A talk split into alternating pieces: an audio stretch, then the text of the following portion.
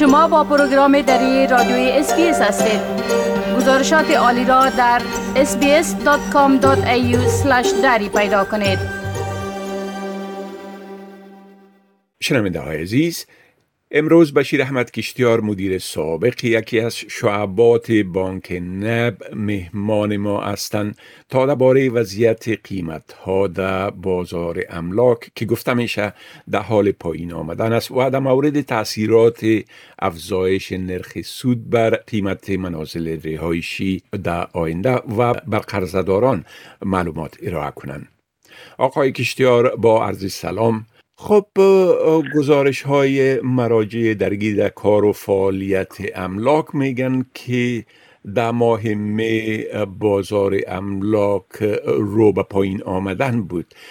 می‌تونین بگوین که وضعیت از چی قرار است؟ فعلا و در این ماه چقدر قیمت ها پایین آمد؟ سلام شکیب صاحب با شما همچنان و به شنوندای عزیز ما. باید بگیم که البته از دو سال دو گذشته اولین بار است قیم منازل یا املاک خط نزولی میپیماید. یعنی بلند رفتن نرخ سود بدون شک تاثیرات مستقیم در رابطه داشته.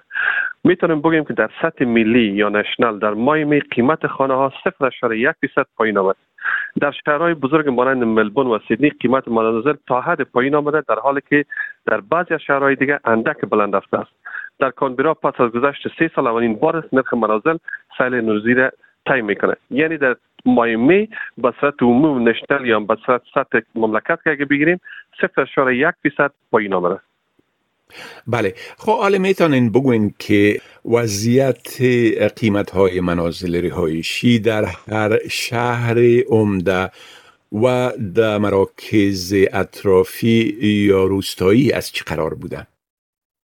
بله. طوری که قبلا اشاره کردم در شهرهای بزرگ قیمت ها پایین و در شهرهای دیگر اندک بلند رفته و هم ثابت مانده. به طور مثال اگر ما سیدنی و ملبون در نظر بگیریم در سیدنی در ماهی که گذشت یعنی ماه می قیم منازل منفی یک فیصد پایین آمده در ملبون منفی منفی صفر اشاره افت فیصد در کانبرا منفی صفر اشاره یک فیصد پایین شده.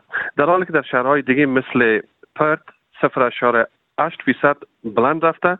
در مایمی در ادلیت یک اشاره 8 فیصد در هوبارت صفر اشاره سه فیصد در داروین صفر اشاره پنج فیصد بلند رفته.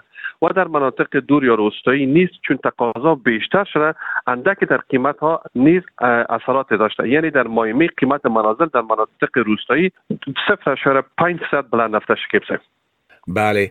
خب آله اگر لطفا بگوین که وضعیت منازل کرایی چطور است؟ در قیمت کرای خانه چی تغییراتی به وجود آمده؟ قبل از اینکه در مسائل خانه های کرایی خدمت شما معلومات را کنم باید امی سوال ایجاد میشه که بعضی کسای کارشناسا زیر تحقیق کردن و پرسان می‌کنن که چرا قیمت در مناطق روستایی بالا رفته به خاطر است که در مناطق شهری شهرهای بزرگ چون قیمت ها بلند بوده مردم مجبور شدن که برن به روستا روی بیارن. بنان حال اونجا هم تقاضا بلند شده و این سبب از که در روستا قیمت ها یک اندازه نسبت به شهرهای دیگه فعلا آهسته رو به افزایش است. این حال میایم در قسمت مسائل منازل کرایی یکی از مشکلاتی که مردم فعلا به اون مواجه هستند که نمی‌تونن قرضه بگیرن قیمه بالا رفته بود قیمت بالا رفته بود. نرخ اشیا و مواد خوراکی و غیره بلند رفته. این مردم توانمندی از این ندارن که برن خانه بخرن و, و مثلا منازل شخصی بگیرن. بنان یا مجبور میشن که رو برن به خانه کرایی به خاطر چون تقاضا بلند شده در کمبود یعنی همین پراپرتی های یا خانه های منازل کرایی اندستریش بس یک بحران عجیب مواجه است. از یک سو در کمبود خانه ها مواجه هستند از سوی دیگه کرا را بالا بردن. حکومت قبلی فدرال قبل از اینکه انتخابات به بازه دو بیلیون دلار تخصیص داده بود در این راستا کمک کنه که اصلا خانه با حساب انگلیسی افوردبل هاوزینگ یا خانه دولتی آباد کنه و بر مردم در خدمتشون قرار بده. اما حکومت کنونی خوب است که در نظر داره حکومت فعلی حزب کارگر در سطح فدرال ده بیلیون دلار وعده کرده. یعنی جهت اعمار منازل رهایشی دولتی در پنج سال آینده که تو پیش بینی میشه که سی هزار آسترالی می‌تونه که صاحب خانه شن از این پروژه ده بیلیون دلاری دولت. بنان یکی کارشناسان چیز دیگه که بسیار مورد انتقاد قرار میتن که دولت بیشتر توجه کرده که چطور بتونن در فستون بایر و فند را بتن برای مردم که کمکشان کنه. به او خاطر یک اندازه مشکلات خلق کرده و کمبود خانه هم پیدا شده. از یک سو قیمت بالا رفته از دیگه سود وال نرخ بالا رفتن نرخ سود و بالا رفتن نرخ مواد. خودش تاثیرات منفی برای خرید فروش خانه پیدا داره. بله.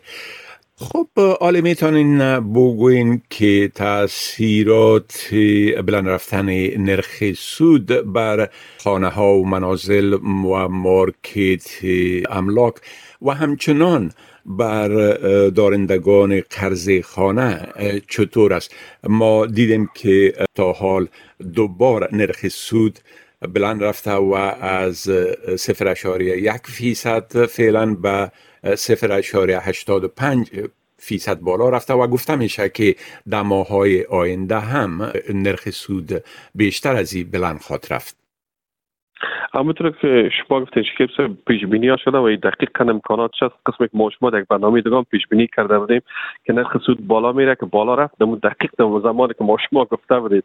و حالا ما احساس میشه و گفته میشه و که نرخ سود دگام بلند میره و این بسیار تکان دهنده بود که دو بار در ظرف در طول یک ماه او هم 0.85 درصد بالا رفتن با شما و ندیده بودیم. اما بدون شک تاثیرات زیاده در قسمت قیام خانه می داشته باشه. مجبور هستن وقتی که مردم دیگه نمی‌تونن توانمندی خریداری خانه های قیمت ندارن.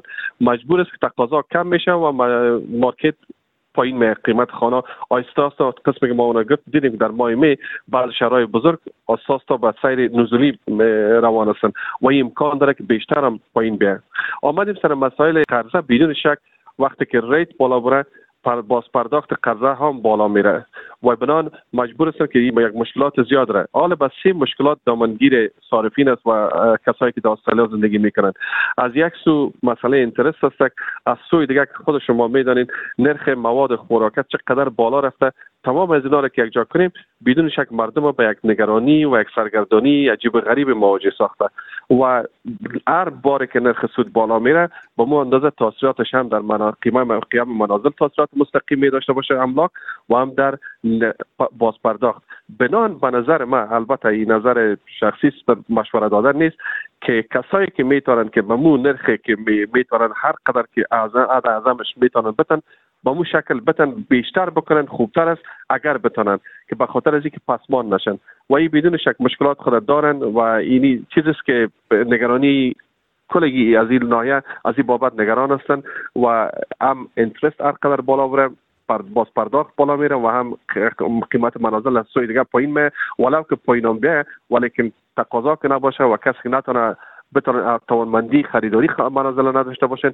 یک مشکلات است که به همو خاطر فعلا بانک Reserve در نظر داره که inflation تورم پولی را تحت کنترل بیاره که بتونه پس دوباره اقتصاد در مسیری که می‌خواین روان شود بله خب آقای بشیر کشتیار از این معلومات تان درباره وضعیت بازار مسکن و املاک و اثرات بلند رفتن نرخ سود بر بازار املاک. از شما صمیمانه تشکر می‌کنم. و برایتان موفقیت می‌خواهیم تشکر با شما همچنان سلام علیکم می خواهید این گناه گزارش ها را بیشتر بشنوید؟